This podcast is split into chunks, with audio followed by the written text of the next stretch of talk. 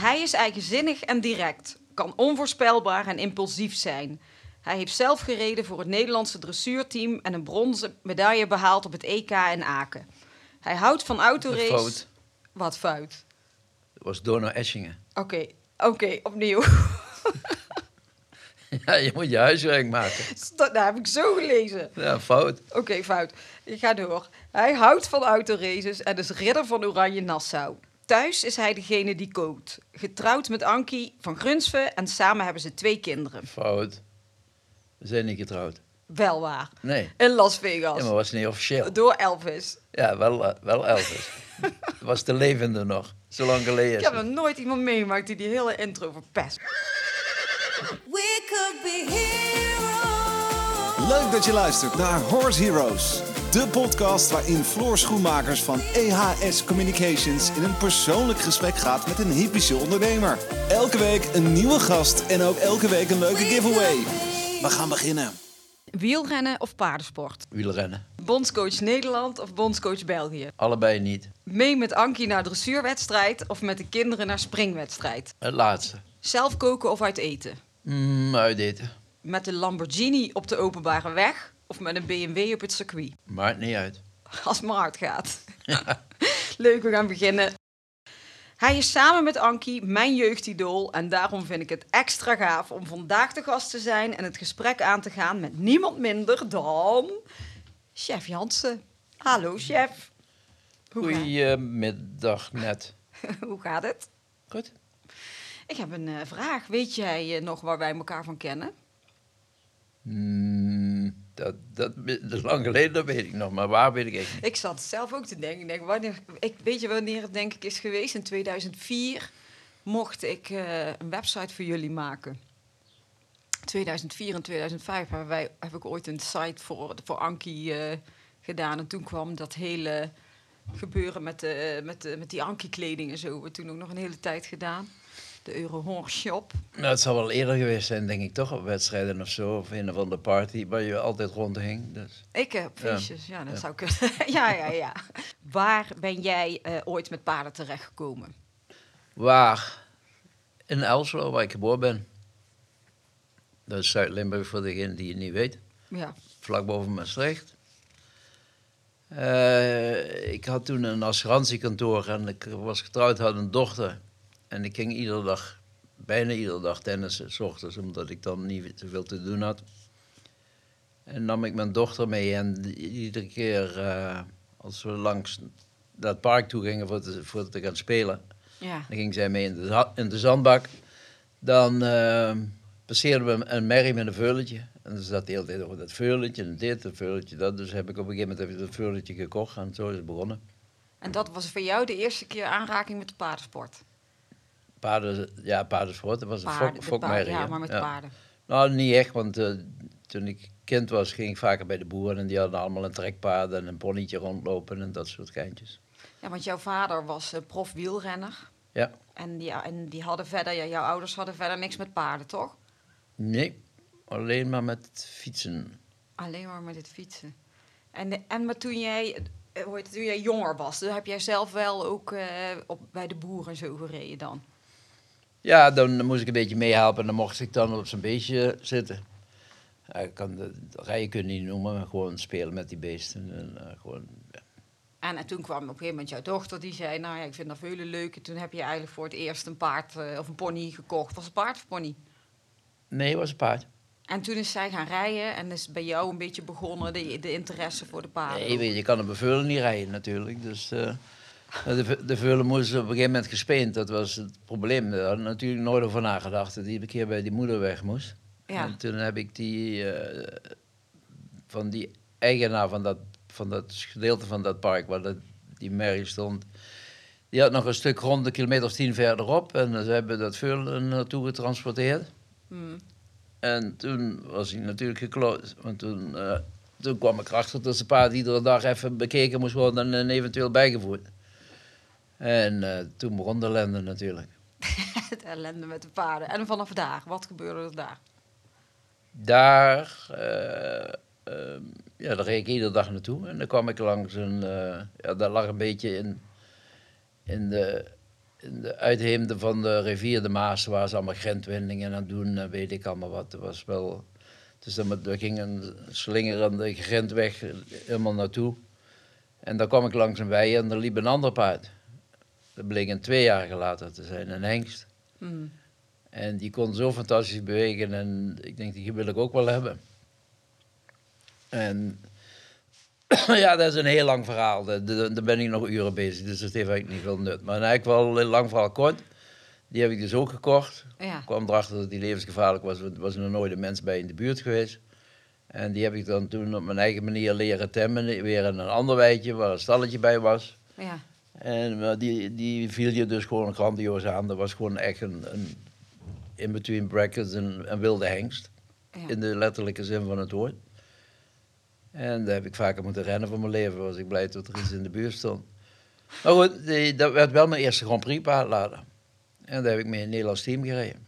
Oh, dat, dat was dit paard? Ja, Oh, gaaf. Ja, nou ja, dan is het dus wel eh, het eerste bewijs dat jij eh, heel goed de, de, met in ieder geval met paarden overweg kon. En ze dus ook eh, af kon richten. ja veel zelf moeten leren. Hè? Je, je leest wel boekjes, maar er staan ze niet bij beschreven hoe je een gevaarlijke hengst moet gaan eh, onder de knie krijgen. Dus dat was wel een interessante ervaring. En, Maar- heb, en tot welk niveau heb je met het paard gereden? Tot de Grand Prix ook, hè? Ja, ja, een Nederlands team. Ja, dat In was in paard. 83 heb ik, eh, ik begon te rijden in 78 zoiets. En in 83 zat ik in het Nederlands team met dat eigen afgericht beest. En wat was eigenlijk in die periode, want eh, dat heb ik wel, eh, en toen ik mijn huiswerk een beetje zat te doen, gelezen, dat eigenlijk voor jou, je hebt heel goed gereden, je hebt toen van alles gewonnen en bent toen uiteindelijk niet geselecteerd om eh, met de Olympische Spelen mee te doen. Ja, dat was een jaar daarna, 84. Ja, Toen was ik eigenlijk mede geselecteerd. ja, En eh, er, wa- er was eigenlijk maar een shortlist van vijf man. En er mochten er vier gaan. En de constructie zoals het nu dit jaar eigenlijk weer is, wat de klote constructie is, maar dat, dat er maar drie, eh, drie eigenlijk mogen rijden en eh, de vierde gaat voor Jan Lul mee. Tenzij er iets gebeurt. mhm. En dat was toen ook. Dus ik zou sowieso meegaan als, als reservepaard. En ja, er werd eh, in de politiek links en rechts gerommeld en daar bleef ik thuis. En eh, daar ga ik niet meer over in details over, maar het was een eigenlijk wel een vuil spelletje. En, dat en was was er wel. klaar mee. Daar was ik er klaar mee. Mijn paard was toen ook al NOP, dat bestond toen ook al. Ja, Ze wilden per se dat ik hem, dat ik hem hield. En ik had een verbindenis tot na de Olympische Spelen. Dus gauw toen de Olympische Spelen kla- klaar waren, het heeft niet lang geduurd, heb ik hem naar Amerika verkocht. Ja, Dat was mijn eerste handelspaard. ja. Eerste afkrikken, eerste handelspaard.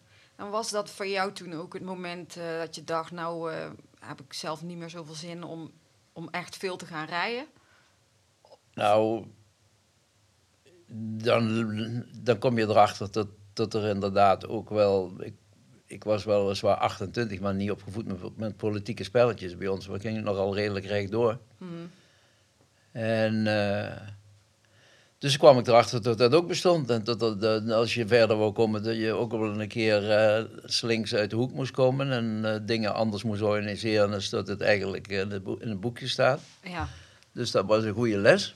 En de andere goede les was dat je ook een hoop geld kan verdienen met de paarden. ja, dat was eigenlijk ook wel interessant. Ja, dat, dat was de leukste les eigenlijk. Maar goed, dus toen, eh, daarna heb ik inderdaad besloten van ik ga gewoon africhten. Dat kon ik heel goed en heel snel. En toch zodanig dat mensen hem heel makkelijk konden narijden. Dus toen begon ik eh, paarden af te richten en te verkopen. Ja. En dat ging hartstikke goed. En, en waar zat je toen met je bedrijf? In Ulestraat. Dat, dat ligt bij vliegveld Beker Limburg. Ja. Vliegveld Maastricht, noemen Ja, ze ja, het nou. jij bent van Limburg naar Brabant gekomen. Ik ben eh, van Brabant naar Limburg gegaan, uiteindelijk. Ja, nou ja, Limburg zit je beter, denk ik. Maar goed, alle Brabants die dit horen, die beginnen gelijk over Ja, te ik, geven. zeg, ik zeg braaf niks eigenlijk. dat ik helemaal over te geven. En chef, even een sprong naar het stuk ehm eh, Ankie. Op een Ja. gegeven moment kwam je Ankie tegen. ja. Hoe ging dat? Nou, wij zaten allebei richting eh, in, de, in de longlist voor Seoul. Ja. Dat was de volgende Olympische Spelen naar LA, die wat ik gemist heb door wat ik net verteld heb. ja. En toen had ik eh, weer een, best een heel goed paard. Die heette President. En die, maar die was loeiheet, maar dat was fijn. Want hij had da- daardoor een aparte passage in Piaf en bla bla bla. En Ankie zat met Prisco en de, stond op diezelfde lijst. Dus we moesten allemaal tegen elkaar rijden. En ook andere mensen van wie dan eigenlijk naar Siel mocht gaan. En toen hebben we elkaar leren kennen. Ja. Als concurrenten eigenlijk. Als concurrenten, ja. Ja. En zij ging en ik bleef thuis. Maar jij hebt haar toen eh, eigenlijk daar een beetje geholpen, toch? Ergens bij een van die wedstrijden. Dat, zij, eh, dat jij er ergens wat hebt geholpen, dat zij erachter kwam. ehm, hoe, jou, hoe jij bent als trainer ook. Toen is ze uiteindelijk bij jou gaan trainen, toch? Ja, dat, dat ene, dat, nu je zegt, kan ik me dat weer herinneren. Dat, dat ik er inderdaad een paar tips gegeven heb. Maar eh, ja, dat trainen kwam toen, toen had zij Bonfire nog niet, toen in die tijd. Of die was toen heel erg jong. Ja. En die, eh, dat was dan toch wel even, even later, voor, nou toch niet zo heel lang, veel later, dat, eh, dat we bij elkaar kwamen. En, tot ik, en dat, daarna heeft het wel heel even geduurd voordat ik Bonfire ging trainen. ja. En eh, nou ja, toen leerde jij eh, ook eh, natuurlijk Wim kennen. Ja, En waren die er blij mee, nou de familie bedoel je. de familie? De familie was er helemaal niet blij mee. In het begin niet zo. Nou, nee, ja. Het heeft heel lang geduurd, maar goed. Ik ben heel erg op mezelf, dus het maakt me niet zo heel veel uit of mensen me mogen of niet. Als ze maar niet in de weg lopen, vind ik het allemaal prima. En ehm, op een gegeven moment, ehm, toen je zegt, ja, ja, toen kwam Bonfire bij jullie. Nou ja, daar weet iedereen wat daarna allemaal gebeurde. Jullie hebben een hoop Olympische Spelen eh, samen meegemaakt. Een heleboel eh, grote successen samen. Was het voor jou ehm, nooit moeilijk om dan alles tegelijk te zijn? Dat je dan en de partner bent, en de coach, en de trainer, en in die periode. Ja, ik had natuurlijk meer mensen die ik trainde. Dat, was, dat, dat, is dan leuk dat je niet op, van één, nou niet, niet afhankelijk bent, maar met- alleen met één bezig bent. En dan kreeg je zelf ook nog heel veel. En die Ja. bracht ook nog paarden uit. Dus dat is heel wel spannend. Maar ja, het is, nooit, het is altijd heel moeilijk. Dat kan iedereen beamen om met je eigen vrouw te gaan tennissen. Of met je kinderen te, te gaan tennissen. Of te gaan paardrijden. Of te, wat voor een sport dan ook. Dat je zeg maar in plaats van familie opeens als trainer, coach, student eh, verhouding gaat krijgen. Dat, dat overlapt elkaar natuurlijk en dat, dat, dat werkt in heel veel gevallen niet. En bij ons heeft het wel gewerkt, maar het heeft wel wat voet in de aarde gehad. We, we hebben allebei een redelijk sterk karakter. Ja. En dan, eh, ja, dan was het soms, dan ging het er wel op, ja. Ja, maar dat is eh, dat denk ik ook wel wat er een beetje bij hoorde bij jullie. En wat ik ook wel even leuk vind om te vragen, want eh, jij zei tegen mij over die action-types. En dan heb ik dat op zitten zoeken. En ik denk, wat is dat nou weer? En dan heb ik op die site gekeken en dat het dan gaat eigenlijk over hoe je als dat je meer zelfkennis en inzicht krijgt in, in, in de voorkeuren van Ja. eh, je leerlingen. En kun je daar eens iets over vertellen? Wat, eh, wat, wat dat voor jou doet of wat jij daarmee hebt gedaan? Ja, op het moment doe ik het niet meer zo heel veel natuurlijk, omdat ik eh, ja, gewoon nog maar heel weinig tot geen leerlingen heb. Weinig, niet geen. Ehm, ja, het is toch wel belangrijk om te weten waar de voorkeuren liggen van iemand die je les geeft. Ja, En eh, of die een fijne mechaniek heeft, of die een grove mechaniek, mechaniek heeft, of je al in detail moet gaan, of dat je het breed moet houden. Eh, of je veel moet praten, of dat je weinig moet praten. En dat soort dingen allemaal. Dat is wel belangrijk om te weten. Want anders zit je natuurlijk eh, met je tweeën op, op een totaal verkeerde golflengte met elkaar proberen te communiceren. En dat, dat werkt natuurlijk voor gemeten. Nee, want wat, wat is dat precies, dat, het, het action-type? Als je dat uit moet aan degene die nou ja, ik ben natuurlijk geen expert daarin. Ik, heb, ik laat meestal gewoon een test afnemen door de, de vaklui. Ja, En dan, eh, dan heb ik eigenlijk wel een paar handvaten wat ik wel moet doen en wat ik niet moet doen.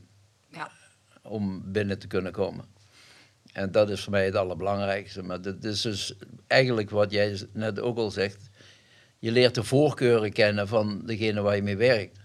En de voorkeuren kunnen dus zijn we net aangegeven of die een grove motoriek heeft of een fijne motoriek heeft. En dat, dat is ook wel belangrijk om te weten om les te geven. Of dat hij in detail wil gaan of dat hij liever breder heeft, uitgelegd krijgt. Mhm. En toen zijn nog een stel van die eh, eigenschappen waar je dan eh, achter komt en waar je wat mee kan doen. Want het, het is een soort eh, training of bewustwording voor trainer en coaches in allerlei verschillende sporten, toch? Zo moet ik het Ja, maar ook voor, ook, voor de, ook voor de leerling zelf. Ja, Dat hij zelf ook weet hoe die een klein beetje in elkaar zit.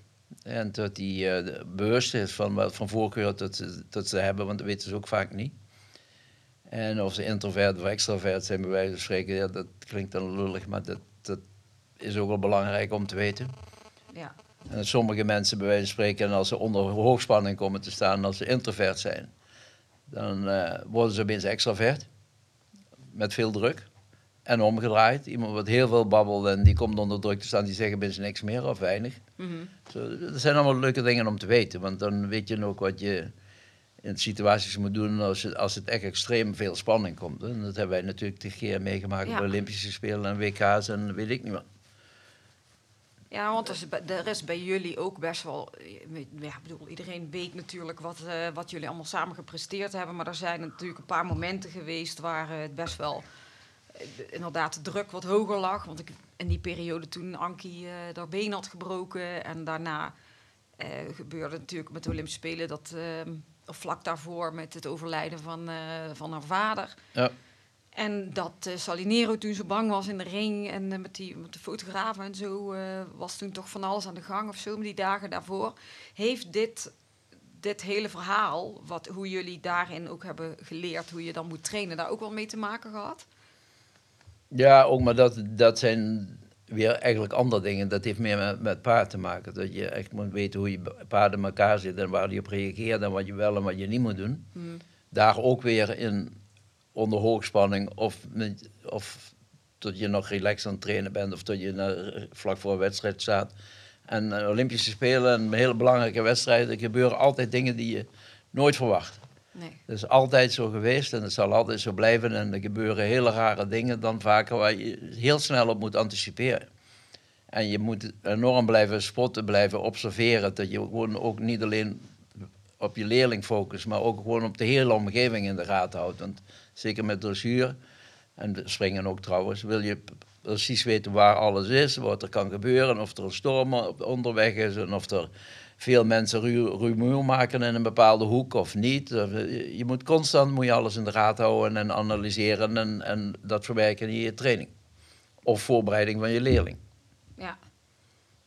Maar ehm, in die tijd toen eh, dat dat gebeurde ook eh, met Wim, zeg maar. Toen had eigenlijk ook niemand verwacht dat jullie toen weer eh, die, die, die, die, die, dus alles zouden winnen daar. Dan heeft dat Nee, ja, goed, we hebben niet alles gewonnen, we hadden geen, eh, we hadden geen landenmedaille sinds een eeuwigheid dat we geen Mm. landenmedaille hadden. En daarna hebben we ook wel altijd landenmedailles gehad. Behalve in Brazilië, weet ik, dat weet ik niet meer zeker. Volgens mij hebben we daar ook een medaille gehad. maar dat weet ik niet meer. Maar, ehm, maar dat, dat eh, Salinero daar goud zou winnen, Ja, dat had natuurlijk niemand verwacht. nee. En dat was natuurlijk nog heel jong. En het was daar heel erg spooky. Er gebeurde heel veel dingen. Was het of loei heet of het waaide als een gek. En ja, er gebeurde dus heel veel dingen. Waar, ik net al heb aangegeven, wat je heel goed in de gaten moest houden en eh, dat soort dingen. Klein voorbeeldje, de dag voor de kuur. Het is een trainingsdag, meestal een vrije dag, na de special. En waaide het als een gek. Dat gebeurde daar heel vaak.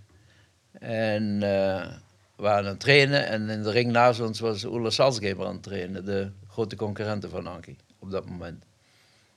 En dat waaide en Oela is een, is een bijter, is een vechter. En iedere keer door de wind waaiden de letters in de bloembakken om. En de beest begon gruwelijk daarvan te schrikken. En die van ons natuurlijk ook zo'n hittepetit, die, die ziet en hoort ook alles. En toen eh, begon hij daar de hele tijd voor weg te lopen. En, en wij hadden natuurlijk hetzelfde probleem ook. Alleen hun gingen die dingen niet weer rechtzetten, want hij moest per se daar langs lopen. En ik heb ze gewoon laten liggen. Gewoon de rust erin gehouden. En gewoon of die dingen nog recht staan of plat liggen, maakt allemaal gereed uit. Dus, eh, maar zei- heeft toen een behoorlijk gevecht met de beest aangegaan. Mm. En die rekening kreeg ze gepresenteerd in de kuur. Want toen begon- ging die voor iedere letter en bloembak ging die een beetje opzij lopen en kijken. Dat, dat heeft haar de Olympische medaille goud gekost en wij gewonnen. Ja, Beetje slim zijn. beetje slim. Ja, dat was wel echt te gek. Want ik weet nog zo goed eh, hoe toen dat allemaal speelde. En vlak daarna, of volgens mij tijdens... Ja, buiten wel. dat liep die ook fantastisch Ja. natuurlijk. Maar Ja. ja. ja, er zijn toch dingetjes die meehelpen. Ja. Maar toen kwamen jullie ook nog heel vlak daarna erachter dat, eh dat Ankie zwanger was. Toen toch? Was ook... Nee, ze was toen al eh, vier, vijfde maand, denk ik. Of- Vierde, ja, vijfde maand. Ja, maar wist iedereen dat toen al? Of was dat toen zo'n... eh, Nou, volgens mij hebben we dat een beetje stilgehouden. Ja, want dat was toen wel weer even een leuke verrassing natuurlijk. eh, dat, eh, dat, er een, dat er een kindje kwam. En eh, jij hebt twee kinderen. Hoe oud eh, zijn die? Twee kinderen met Anke, ja. Met Ankie. Ze zijn nu eh 14 en 16. Net geworden allebei. En eh, allebei eh, heel actief in de springsport. Ja, Hoe vind je dat? fantastisch. Leuk. Ja, ben je er blij mee dat ze springen in plaats van Ja, er is natuurlijk heel weinig gezeik. Want je, je gaat eroverheen en, eh, of niet. En je loopt de balk af of niet. En je Ja. komt binnen de tijd of niet. Simpeler kan het niet. En eh, er zijn geen menselijke factoren die bui- buiten jezelf die kunnen beïnvloeden hoe de uitslag is. Ja, En dat is wel heel fijn, want dat, dat, dat er natuurlijk nu dan niet goed van. Wordt er allemaal dat gemekker en dat gezeur en die, die verschillen in die juryleden. Dat is eigenlijk gewoon niet meer te verklaren aan niemand. nee. Nee, nou ja, dat is al eh, heel lang eh, een discussie natuurlijk. Hoe, hoe ben jij ehm, als vader? Maar dat moet je vragen aan de kinderen, niet Ja, aan mij. de kinderen. maar wat ben jij? Wat ben jij voor vader? We- weet niet. Ik probeer altijd heel eh, veel, zoveel mogelijk met ze bezig te zijn. Ja, En wat natuurlijk niet altijd lukt, omdat iedereen zijn eigen werk heeft en ook school hebben. Maar ik probeer er zoveel mogelijk aandacht aan te geven en eh, eh, te begeleiden. In de, in de zin van het woord van meer van het leven in plaats van, van, van paarden. Want dan ja, krijg je natuurlijk die verhouding weer, wat ik ook met Dankje had, dat het moeilijk is om met je eigen vrouw of kinderen Mhm. iets te doen. Daarvoor hebben we ook trainers van buitenaf en doen we dat niet zelf. Alleen dressuur geven we nu dan wat aanwijzingjes, maar die, eh, daar hebben we ook een trainer voor voor dressuur. Dus ja dus het is echt, eh, dat sportstukje is even met de anderen. de, ja, maar verder ja, proberen we natuurlijk op school wat te begeleiden en eh, als het nodig is. Ja, je bent natuurlijk ook meer een, eh, een taxichauffeur, vooral als ze naar school moeten weer opgehaald worden en dit en dat. Ze gaan meestal niet per fiets, omdat dat zoveel tijd kost. In die tijd hebben ze wel twee paarden gereden. Dus, eh, en dan kook je s'avonds. En, eh, zomers eh, doen we vaak voetballen buiten. En we hebben daar trampoline staan en dat soort dingetjes. Waar ze, en dan doe je mee, even ga je kijken. En ja, we gewoon. En je, ze zijn, we zijn veel samen onderweg. Ja. Over, heel- door heel Europa naar wedstrijden toe. Want jullie gaan wel heel veel mee eh, met de Ja, kids, moet, hè. iemand moet de vrachtwagen rijden. Ja. Iemand moet mee groomen. En, eh, want ja, ondertussen gaan ze toch al met vijf paarden op concours nou langzamerhand. En dat eh, twee, twee ponies en drie paarden. Dat het eh, is een hoop werk. Ja, geloof ik. Maar wel echt te gek dat ze rijden allebei. Want Ja. eh, voor hetzelfde geld hadden ze daar helemaal niks aan gevonden. Lijken ze in karakter het was jou? ook niet heel erg geweest natuurlijk. Maar ze hebben ook al, allebei andere sporten gedaan. En, eh, maar eh, ja, goed, het is natuurlijk heel fijn dat dat zo aan de paarden zitten. Ja, en, maar qua karakter, lijken ze op jou of lijken ze op Ankie? Mijn dochter lijkt op mij en mijn zoon lijkt op Ankie. Ja, meestal. Dokters op de vader lijken. Ehm, wat was het meest memorabele moment in jouw carrière? Ah, dat, mm, heb je het over sport of heb je het over het leven? Allebei. Over het leven denk ik wel de meeste impact bij mij heeft gehad, is, was de geboorte van Jannik Jansen. Ja, Die natuurlijk drie maanden te vroeg werd geboren, ja. tweeënhalf. En die zijn leven aan een zijde draadje heeft gehangen, weet ik hoeveel weken lang. Die 600 gram was op een gegeven moment toen hij geboren werd. Ja, dat is gewoon echt helemaal niks. Nee. En die infusen over zijn hele lichaam had, zelfs nog in zijn hoofd.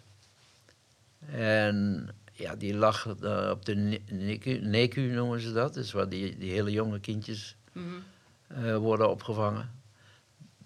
in de intensive care. Ja, dat hield natuurlijk gewoon niet op. En dat heeft zo'n impact gehad. Zelfs nog in het begin, eh, die, die- ze- toen die 1, 2 jaar was, dacht je nog ieder moment dat het een keer afgelopen zou kunnen zijn. Dat is gewoon echt by far the deepest impact. Ja, daar geloof ik helemaal. Ik, ik weet dat ook nog wel, die periode, ja. Maar ja, als je dan hem nu ziet, denk Ja. je, jezus, dat is zo'n beer van een vent en helemaal eh super Ja, goed, hij is natuurlijk niet zo groot geworden als dat die normaal zou zijn geworden. Mm. En dat scheelt wel een paar centimeter tot vijf, als het niet meer is. En eh, heeft natuurlijk ook wat problemen met, dat hebben ze ook altijd gezegd, concentratie is, is natuurlijk moeilijk vasthouden nu en dan. En, eh, maar verder is hij t- 200% zoals iedereen. Hij is intelligent zat. Ja, En eh, hij sport graag. En eh, ja, het gaat goed. Gaat heel goed. oh, maar is, eh, is dat zo dat hij eh, iets kleiner is dan die had dan Ja, normaal? Oh Ja, ja. je hebt natuurlijk een gigantische achterstand in het begin. Ja, ja, dat weet ik nog En die haal je nooit eh, meer in. Nee. Dus, eh, maar goed, hij is 1, 71, 72 nu. Er kan er een beetje bij komen. De- Vooruit eh, is dat de perfecte grootte. Ja, En mijn dochter zit nu nog in een groeifase. Die, die, gaat, die, die groeit opeens gigantisch. Maar ja, Ankie en ik zijn allebei niet groot. Dus ze worden geen 1,80 mensen. nee, maar ja, als ik Jannik zie, die is, eh, hij is groter dan ik ben. Dus dan vind ik hem altijd al... eh, dat, ja, ik vind, dus, vind het een stoer vent om te zien. Ehm, als je... Ja, nee, wat sport moet je nog vertellen. Het meest memorabele moment. Wat dat was. Oh, ja, er waren er zoveel. Ik, ik denk dan nog wel het eerste goud in Sydney. En dat was tevens ook de laatste wedstrijd van Bonfire. Dat, Ja. hadden, we, dat, wist- dat hadden we van tevoren al gezegd. Van, dit is echt zijn allerlaatste. Hij was 17 toen. Ja, En als je dan ook nog goud wint, is het natuurlijk ongelooflijk. En zeker in, gezien in het licht van tot eh, vier jaar daarvoor twee keer zilver had in Atlanta, was hij eigenlijk makkelijk het goud had kunnen winnen, maar door omstandigheden die eh, het goud niet haalden. Wat nou ja, daar hebben we ook wel nog een tijdje mee gezeten. Er waren zoveel omstandigheden dat het, eh, dat het gewoon niet ging op het moment dat het gebeuren moest. En dat had eigenlijk ook wel een hele grote impact. Maar dat werd allemaal wel goed gemaakt in Sydney. ja. En eh, is Bonfire jouw... Van de paarden die jullie allemaal hebben gehad, is hij eh, de meest bijzondere geweest voor jou? Eh, eigenlijk meer Salinero, omdat ik die eigenlijk al als jonge paard gehad heb. Ja, Of wij. En ik heb hem zelf ook het eerste jaar gereden. En redelijk was al wat africhting erop heb gezet in die tijd. Het was ook echt heel moeilijk. Dat was ook te moeilijk geweest voor Ankie, denk ik, het eerste jaar. We kregen hem vlak voordat wij naar Sydney vertrokken, kregen we hem. En toen was hij, eh, hoe oud was hij toen? Vijf, denk ik. Ja, vier. In eh, Athene was hij negen, dus dat, klopt. En uh, Dankie wou er ook niet op. Hij was dik en vet en had geen nek en was lelijk en was veel te heet en was loeisterk en noem allemaal maar op. Dus dan, dan mag ik dan weer opknappen. ja dat, moet jij dan doen. Dus na, na een jaar is ze erop gestapt toen ze zag dat het eigenlijk een ongelooflijk beest was. Dus daar heb ik iets meer mee als met Bonfire. Ja, dat, ja, als jij daar zo de band mee hebt gehad. Rij je zelf nog steeds nu? Ja, ik ben net klaar. Ik heb er vanochtend drie gereden. Oh, jij rijdt elke dag nog, eh, nog een... Nou, niet iedere dag, maar wel veel dagen. En eh, een klant van mij uit Hongarije, die is nu ook naar huis om eindexamens te doen enzovoort. Die heeft er drie hier staan, dus die drie rijd ik normaal. Of ik wissel het af. Ik heb zelf nog samen met Ankie een achtjarige, die echt, denk ik, onvoorstelbaar goed is. Die, eh, die rijd ik ook eh, nog vaak zelf en die rijdt Anne Meulendijks nu ook. Ja, En die gaat eh, zeer korte termijn lichte tour lopen, maar die, die ik denk dat hij over een jaar ook zeker Grand Prix loopt. En dan heb ik Guardian nog, die hengst. ja. Die rijd ik ook regelmatig. Die heb ik zeg maar zelfs een beetje afgericht gehad. En die rijdt Anne nou ook. En die gaat ook zijn Grand Prix debuut maken binnen een paar maanden. En met Anne. Met Anne. En eh, dat is ook een, even een vraag van, eh, van een eh, van die accounts die bij ons zit, van die zusjes Konijn. Die vragen zich af, hoe ziet een dag uit het leven van chef eruit? Ga je eerst uitslapen? nou, vroeger begonnen we heel vroeg met paardrijden, dat doe ik niet meer. Ehm, dus het ligt eraan, ligt eraan een beetje wie er, wie er is aan, aan leerlingen. En, eh, en wat ik zelf in de planning heb, kan ook wel best zijn dat ik ochtends al ga, fietsen met mijn vrienden. Of dat ik eh, naar mijn familie ga in het zuiden. Of dat ik een andere afspraak heb. En, eh, maar meestal is het ochtends paarden. Dus dan geef ik les en rij, of ik rij, of whatever, constructie. En eh, of ik help Ankie ook nog wat mee, links en rechts. En dan komt Anne, die rijdt natuurlijk, die Hongaarse klant die rijdt. Dus als iedereen er is, dan rijd ik niet. Dan rijden hun ze. Mhm. En of er moet een probleem met de paard zijn, dan, dan pak ik ook wel een keer een paar dagen zelf. Maar ja, goed, dan s ochtends meestal paarden en smiddags eh dan eh, doe ik dingen met mijn kinderen. Ik ga met mijn vrienden fietsen, ik doe andere dingen. Ik heb een roerend goed waar ik eh, mee bezig ben. Dan komen gewoon andere dingen. Ga wielrennen kijken op televisie. Ga van de zon genieten. Ga een beetje zwemmen. Ga een beetje dit doen. Oude man, hè, dan mag je dat allemaal. Het zijn privileges als je oud bent. Maar je zegt de hele tijd fietsen met je vrienden. En je gaf bij die introkeuzes ook aan eh, wielrennen of paardensport. En dan kies je wielrennen. Ja. Hoe kan dat? Ja, daar ben ik mee opgegroeid. Ja, met paarden.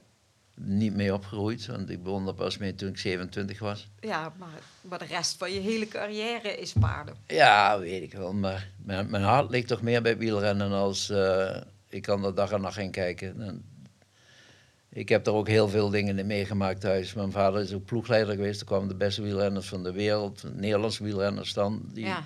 hadden vaak trainingskamp bij ons. Ik heb ploegleiderswagens gestuurd zelf. Ik heb, eh, ik heb daar echt veel, veel met meegemaakt. En mijn paarden doe ik natuurlijk ook super graag. Maar je vraagt me waar het diepste, wat, Ja, wat dat het weet diepste je, in mijn dat hart zit. Ja, dat bedoel ik, wel, wielrennen. eh, interessant. En maar lijk je op je vader? Eh, kan ik niet. Die werd ook wel eens zo driftig als ik dat kan. Ik denk misschien. maar ik, ik ken hem eigenlijk niet zo heel erg goed, omdat ik. eh, hij was altijd weg. En tegen die tijd, toen hij meer thuis was, was ik weg. Dus. eh, ik denk het haast van wel. Ja, want maar toen jij veel, je bent niet toen je jonger was dan veel mee geweest met hem naar die wedstrijden en zo. Ja, maar dat was pas toen ik toen eh, 17, 18 was natuurlijk. Toen ik wel rijbewijs ook had en dat ik wat dingen kon gaan doen. En, eh, maar ik heb zelf ook nog wel gewielrend, maar daar was hij ook nooit bij, omdat hij met de zaak was of met de wielrenners onderweg was door heel Europa. Mhm. Dus eh, ik heb helaas niet zo heel veel dingen met hem meegemaakt samen. Nee, Vind maar ik wel jammer. Ja, dat snap ik ook wel. Maar die drive die, die hij dan heeft voor dat topsport en het willen winnen en eh, dat, dat heb jij dan wel van hem. Ja, hij, hij was wel keihard. Hij wil, wou ook zijn doel. Hij, heeft ook, eh, hij was ook een redelijke goede wielrenner. Mm. En heeft vier keer de Tour gereden en derde op een WK geworden. En eh, nou ja, klassiekers gewonnen, dat soort dingen in die tijd. En ehm, in de oorlog is hij ook in de mijn gaan werken, want dan werd je niet weggetransporteerd naar Duitsland. Ik bedoel, als je onder in de mijn gaat werken een paar jaar lang, dan weet je ook hoe de hel eruit ziet. Ja, En eh, ja, dus zo werden we wel een klein beetje op. Mijn moeder was ook wel zo van eh, niet, niet zeiken, gewoon aanpakken en doorgaan. en eh, doe je, ga je op zo'n manier nu ook een beetje om met, eh, met jouw kinderen? Veel te weinig. Je bent veel te lief voor Nou, ik weet niet of ik te lief ben, maar misschien wat slordiger of weet ik wat. Ik, maar heden ten dagen is, is dat ook iets minder de methode om, er, om ze te pakken te krijgen. Ja, dat is ook waar. Je moet ze, er moet- er zijn ook andere manieren hè, om, om je doel te bereiken. Ja. Hey, en ehm, even een stukje terug eh, in, eh, naar eh, 2020. Op een gegeven moment eh, kwam natuurlijk corona. En Ja. weet jij nog waar jij mee bezig was toen eh, corona uitbrak in Nederland? Geen idee. Maart 2020. Jawel, dat weet ik wel. Er was. Even nadenken hoe dat zat toen. Ik weet eigenlijk wel dat Valencia een wedstrijd was, waar Jannik Jansen reed. Met drie paarden. De Valencia was natuurlijk in het midden van de shit. Dat was in Noord-Italië, maar ook in Valencia, omdat daar eh, die voetbalwedstrijd, eh, wat was er geweest, Atlanta Bergamo en, en Valencia. En die, eh daar waren die supporters over en weer geweest en die, die steden zijn allebei geëxplodeerd. Daar zat ik dus middenin. Ach, Maar daarna ging ik ook, ik was één dag thuis, ging ik skiën met mijn vrienden en je raadt nooit in Ischel. oh. Tuurlijk. Dus dat was helemaal de boel geëxplodeerd. Was, eh, stond denk ik op nummer 1 van de, van skistadjes wat vol zat met corona. Ja. En ik kreeg dat ook behoorlijk mee daar. En, en ik volg het nieuws heel nauw, nauwgezet wat dat soort dingen betreft. En ik was er met, met vier vrienden en, eh, en op een gegeven moment zaten we s'avonds te eten. En ik zeg, jongens, ik ga mooi vroeg vertrekken, want ik vertrouw het niet meer. En eh ah, flauwekul en hier en daar corona. Ik zeg, nee, ik, zeg, ik vertrouw het niet. Ik, stap, ik doe mooi vroeg nog ontbijt en dan zeg ik goeiedag en dan ben ik weg. ja. En ze hebben alle vier corona gehad. Oh, En ik tot nu toe, afgelopen, nog niet. Dus ik heb een paar keer op het randje van eh, de corona-epidemie gelopen. En in Valencia en in Ischel. En ja. Maar goed, het ligt eraan. Ik bedoel, er zijn ook heel veel mensen die krijgen corona en hebben, merken er niet eens. hè. Dus je weet nooit. nee. Maar ja, bij jou, ehm ja, jij hebt wat meegemaakt met je gezondheid. Ja. Wil je daar iets over vertellen? Nou ja, wat- wat wil je weten? Ik bedoel, ik ben net als een patiënt. Ik, ik maak zelf geen hormonen meer aan. Of de meeste hormonen niet. En daar, moet ik al, daar heb ik allemaal hulpmiddelen voor in de vorm van pillen en, en injecties. En als ik dat eh, allemaal goed netjes doe en op tijd, dan ben ik zo goed als een normaal mens. En eh, eh, daar heb ik in januari heb ik een pacemaker gekregen. Ja, Ja. Of ik bedoel, wie sport er meer als ik? Dat zijn er maar weinig van mijn leeftijd, denk ik. Ik ben dun, of dun, in ieder geval niet vet. Nee. En, eh, en ik sport veel, ben met heel veel dingen bezig. En ja, out of the blue begon ik gewoon om te vallen. En toen eh, naar het ziekenhuis natuurlijk. En toen hadden ze het vlug bekeken. En toen, eh, ja, sindsdien. En ik ben nu wel volle bak aan sporten en aan het rijden, dus alles gaat prima. Ja, want ik las eh, toen, eh Ankie had een, toen een post geschreven dat jij jarig was, of dat je een pacemaker hebt gekregen in januari en dat je voor het eerst van je leven blij was om je verjaardag te vieren. Dus het is wel even een flinke, Ja, dat was twee dagen tevoren, kreeg ik de pacemaker. ja, En eh, nou, ik ben even sowieso geen verjaardag-fan. Maar ik was toen wel even blij, want ik had ook on- onder de grond kunnen liggen. En dat, eh, dat was wel heel fijn om te weten dat je, eh, ja, dat je dat leven gewoon doorgaat. En vooral omdat je nog jonge kinderen hebt, dat wil je toch niet, eh, wil je zo lang mogelijk in de buurt blijven. natuurlijk. Maar nu ook met het hele corona gebeuren, ben jij daardoor wel extra voorzichtiger eh, met alles, doordat je denkt van, nee. nou ja, Nee, niet echt. Er komen te veel mensen hier. En ik ben voor- in de coronatijd vorig jaar ben ik ook naar Hongarije moeten reizen voor eh, mijn klant. En er waren Europese kampioenschappen voor de jeugd. Daar was Ja. ik ook. En eh, in vliegtuigen gezeten en van alles gedaan en overal geweest. En, eh, het heeft je niet bang gemaakt in ieder geval. nee. Nee, oké. En ehm, in de hele periode heb jij daar... eh, ik afkloppen. Afgelopen weer. Ja, goed zo. Heeft, eh, heb je ook nog iets heel creatiefs bedacht in de hele lockdown? Want er waren natuurlijk geen evenementen, er was veel meer thuis hier. Wat heeft, dit, heeft het iets veranderd voor je bedrijf, waardoor je op een andere Ja, manier... fantastisch. Ik hoefde niet meer zoveel te reizen. Ja, Ik was veel meer thuis bij mijn kinderen en bij, bij de paarden, bij de stal. En, eh, en, en eh, want ik, de reizen word je op een gegeven moment spuugzat, want dat doe ik mijn hele leven lang al. Dus dan, Ja. als dan, eh, en de kinderen waren veel thuis natuurlijk, de scholen waren dicht. Dus ik vond het wel een blessing.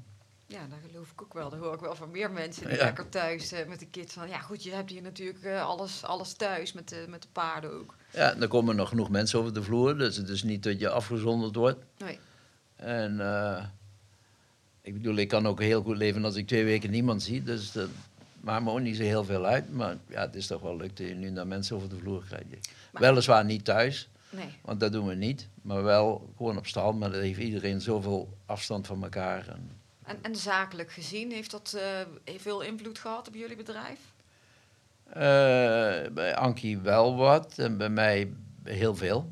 Want ik heb natuurlijk bijna geen handel gehad. En, eh, en ja, er zijn ook klanten die kunnen veel minder betalen als voorheen. Ja. En ja, goed, dat, dat wel, maar daar lig ik dan ook niet wakker van, want ik heb goed gespaard. Ja. Maar je hebt niet iets anders bedacht. Dat je denkt, nou ja, als nu niemand hierheen kan komen, gaan we meer... eh, Nee, want ik ben eh oude man, ik ben gepensioneerd en ik heb, eh, man. man. en ik heb eh, zoals ik al zei, onroerend goed en wat andere dingen lopen en daar kan ik eh, goed van leven. Ja. En ben je, heb jij eh, iets privé? Wat heeft de hele corona privé voor jullie eh, betekend? Heeft dat ook nog iets veranderd? Heb je nieuwe hobby's ontwikkeld? Naast het wielrennen en het koken. Nee, ja, het enige wat ik begonnen ben, ik ben eh, aan een boek begonnen. Wat, Oh. Waar iedereen al heel lang om gevraagd had. Of Ja. iedereen, veel mensen wat ik ken. Van eh, hoe doe je dat met die beesten? En daar ben ik dan aan begonnen, maar ik heb eh na mijn... en ook vrij intensief, 1, 2 uur per dag. Maar dit is echt een project, daar gaat een paar jaar aan zitten en is zo uitgebreid. En er komt zoveel bij kijken, dat je gewoon niet voor mogelijk. Maar eh, ik heb sinds ik die pacemaker in heb, heb ik de, nog niet meer in, in de zin van de woord de pen in mijn hand gehad. Nee. Ik heb geen woord meer of gele- bijgelezen of zelf geschreven. Ehm, kan, eh, ja, op de een of andere manier Er niet. zat, zat er totaal geen interesse meer aan die kant. En je was daar best wel eh, al een eind mee op weg met het boek. Nou ja, en ik had, eh, weet ik niet, ik weet niet meer, ik denk dat ik eh, 10.000 woorden had. Ja, dat is natuurlijk niet zo heel veel. En je moet er, voor een goed boek moet je minimaal 70, 80.000 woorden hebben. Mm. En waarschijnlijk worden het er nog meer, omdat er, ja, als je dan niets begint, dan kom je, loop je tegen zoveel dingen aan dat je niet uitgeschreven komt. Maar jij zit het zelf te schrijven. Ik tik het zelf in, ja. Maar kan je niet het gewoon vertellen en dat iemand anders het tikt? Nee, dat, dat wil ik niet. Want al schrijvende en al denkende vallen je wel zoveel duizenden dingen in. En kijk, als wij nu ook zijn aan praten, is het moeilijker om, om over die, dat soort dingen na te denken. Maar als je helemaal alleen in jezelf zit en je bent met die materie bezig, dan, dan vloei je over van info. En, en dat je denkt dan, oh, dus zo deed ik dat vroeger en zo deed ik dat toen. En bababa. Maar het was dus wel de bedoeling dat het boek zou komen. Dus misschien eh, moet je gewoon eh, morgen vroeg denken, nou, dan heb ik het er weer over gehad. dan ga ik weer verder. Nee, de- even nog niet. Nee, nog geen zin in. Nee. We hadden het ook even over muziek gehad. Hè? Ik vind het altijd leuk om te weten wie een, ehm, eh, wat een, een speciaal nummer was voor, voor van degene met wie we in gesprek ben. Nou, jij gaf aan een nummer van Queen. Ja. Those were the days. Ja. Kan je daar iets over vertellen? Eh, ja, ik heb- ben, ik, ik ben een vrij brede eh, muziekliefhebber. Van heel erg klassiek tot ja, rappen dan net niet, maar wel heel modern. Ja. En, eh, maar ja, natuurlijk, ik vond Queen by far de beste groep wat er ooit bestaan heeft. En daarvoor hebben we toen een nummer Were The Days uitgekozen bij het afscheid van Bonfire en Salinero in Indor, Brabant. Mhm. En ja, dit is een liedje wat ook toepasselijk in de tekst is voor iemand wat afscheid gaat nemen. En ook eh, heel, hele goede muziek. Dus, eh, We gaan een stukje luisteren. oké. Sometimes I get to feeling I was back in the old days, When we were kids, when we were young, things seemed so perfect, you know. The days were endless, we were crazy, we were young. The sun was always shining, we just lived for fun. Sometimes it seems like lately, I just don't know. The rest of my life's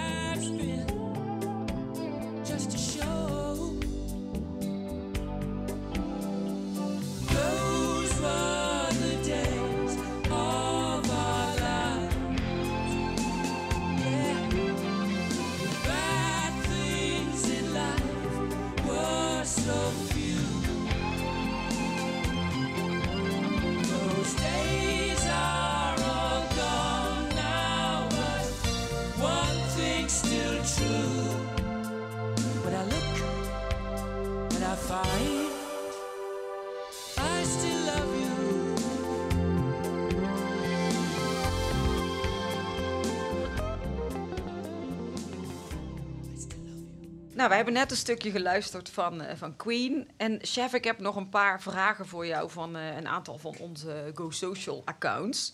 Ehm, Melissa Jansen heeft als vraag, als Goe- jij... Goeie naam, goeie naam. Goeie naam, hè? Ja. Ja. komt ook uit Limburg, nog beter. Ook dat nog. Als jij voor één dag iemand anders kon zijn, wie zou je dan willen zijn en waarom? Helemaal nooit over nagedacht en ik zou ook niet willen ruilen met iemand. Nee? Nee, niemand. Nee, dat is Melissa Jansen, die heeft een goede vraag. Ja, sorry ik- Melissa, ik kan je, kan je niks vertellen, maar ik ben heel erg blij met mezelf. Nou ja, goed antwoord. Volgende vraag van Saressa, van Nienke en Maartje. Die vragen, wat is je slechtste eigenschap en hoe kun je die positief inzetten? Nou, ik kan nou wel eens vrij snel driftig worden en ik denk niet dat je die positief kan inzetten. Het zou heel positief zijn als ik soms wat langer nadacht in plaats van te reageren. En ben je nog steeds zo driftig? Ja, dat zit in je genen. Dat gaat er niet uit totdat je dood omvalt, denk ik. Ja, ik denk misschien ben je iets rustiger geworden over de jaren. Ja, dat wel. Het is wel een stuk minder, maar het, is, eh, het zit wel in, in je genen. Dat, dat is eh, heel duidelijk.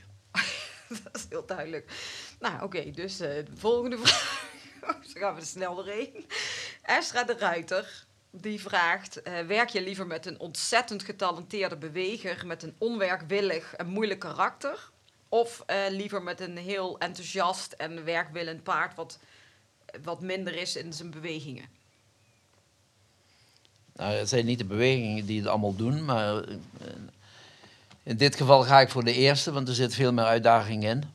En daar kun je misschien dan nog, als je het allemaal op een rij krijgt en je, je zit op dezelfde golflengte, ga je hele mooie tijden tegemoet. En bij die andere houdt het een keer op natuurlijk. Ja, maar dat is eigenlijk al wat jij in het allerbegin eh, van dit verhaal zei... dat je een de tweejarige gevaarlijke hengst eh, helemaal tot Grand Prix hebt afgericht. Dus Ja. daar wist ik eigenlijk je antwoord al. Ehm, ehm, ik heb ook een vraag van Glasten. Die zegt... eh, hebben jullie nu, na drie keer Olympisch goud met Anki... nog een, een doel voor een keer een vierde... eh, een keer Olympische Spelen nu mee te doen? Nou, is, aan mij lag wel, maar Ankie is daar de decision maker. En dan ligt het weer een klein beetje anders. Die vindt het nou fantastisch om met die kinderen heel vaak weg te gaan. Eh, Die kan de motivatie niet meer zo echt opbrengen, wat ik doodzonde vind. Want we hadden ook een paard gehad eigenlijk die goed genoeg was voor Tokio om mee te doen, maar ze wil niet. Ja, dan houdt het op. Ik had wel een, een hele leuke van die. Kijk, als je, als je gaat, in haar geval ook, dan moet je het gevoel hebben dat je bij de eerste vijf of zo kan komen. Ja. Anders heeft het helemaal geen nut. En eh, of dat je van grote waarde kan zijn voor het team. Dat is ook nog, kon ook nog een goede motivatie zijn. Eh, maar eh, nee, we zitten eh, misschien dat daar een van de kinderen nog sneller gaat als haar, wie weet. Zou je dat gaaf vinden, als dat zou gebeuren? Dat zou heel gaaf zijn. Is dat wel een van jouw eh, toekomstdromen, dat die kids nee, eh, Olympische ik, Spelen ik gaan heb niet zo'n toekomstdroom wat dat betreft. Maar eh, de weg is, ook, zoals ook voor ons is geweest, heel lang en heel ver. En, en je bent afhankelijk van je paardenmateriaal en de gezondheid van jezelf en van de paarden. Er komt zoveel bij kijken. Dat is gewoon, eh, je kan net zo goed de lotto winnen. Chef, een laatste vraag. Wat is in het leven het allerbelangrijkste voor jou? Nou, als je me dat nu vandaag vraagt, komt het absurde eh, woord wat iedereen altijd gebruikt, de gezondheid. Ja, maar dat eh, is toch geen absurd woord? Nee, maar ik heb een paar tikken gehad en dan staat dat wel eh, helemaal voorop nu. Ja. Ja, dat geloof ik helemaal. Snap ik ook. Ehm, ik wil jou eh, heel erg bedanken dat je mee hebt gedaan aan de podcast. Vond het superleuk. Want eh, ik had eigenlijk niet verwacht in eerste instantie dat je mee zou doen. Dus eh superleuk nogmaals. En wat wij altijd doen, ga ik toch even vragen, is elke keer een giveaway voor de luisteraars. Ja, ja, ja. Heb jij al iets leuks bedacht dat je denkt, nou, Nee, ik heb niks leuks. Een uitgave van je boek als die er ooit komt. Ja, dus, juist. De eerste, de, de, het eerste boek als ik het ga uitgeven. Ja, dus dan beloof je dat er een boek komt. Dat is eh, aan zekerheid grenzende waarschijnlijkheid. nou, dat was een heel eh, wijs antwoord weer. Als chef, eh, super bedankt. Ik vond het heel leuk. Heb jij nog een laatste boodschap die je wil meegeven aan de luisteraars? Mm, de boodschap van de meeste mensen rijden paard, denk ik. En ze kijken er ook naar uit om weer op wedstrijd te gaan. Dus ik hoop dat het zo snel mogelijk wel open gaat voor iedereen. Ja. En tot ze weer mooie wedstrijden kunnen gaan en hun vrienden weer zien. En, en een keer lekker in de biertent. En eh, gewoon weer een goede tijd hebben. Dat gun ik iedereen. ja, en dan zien ze jou daar ook eh, vanzelf weer. Eh, wie weet. Wie weet. Nou, chef, dankjewel en eh, tot de volgende week. We could be heroes.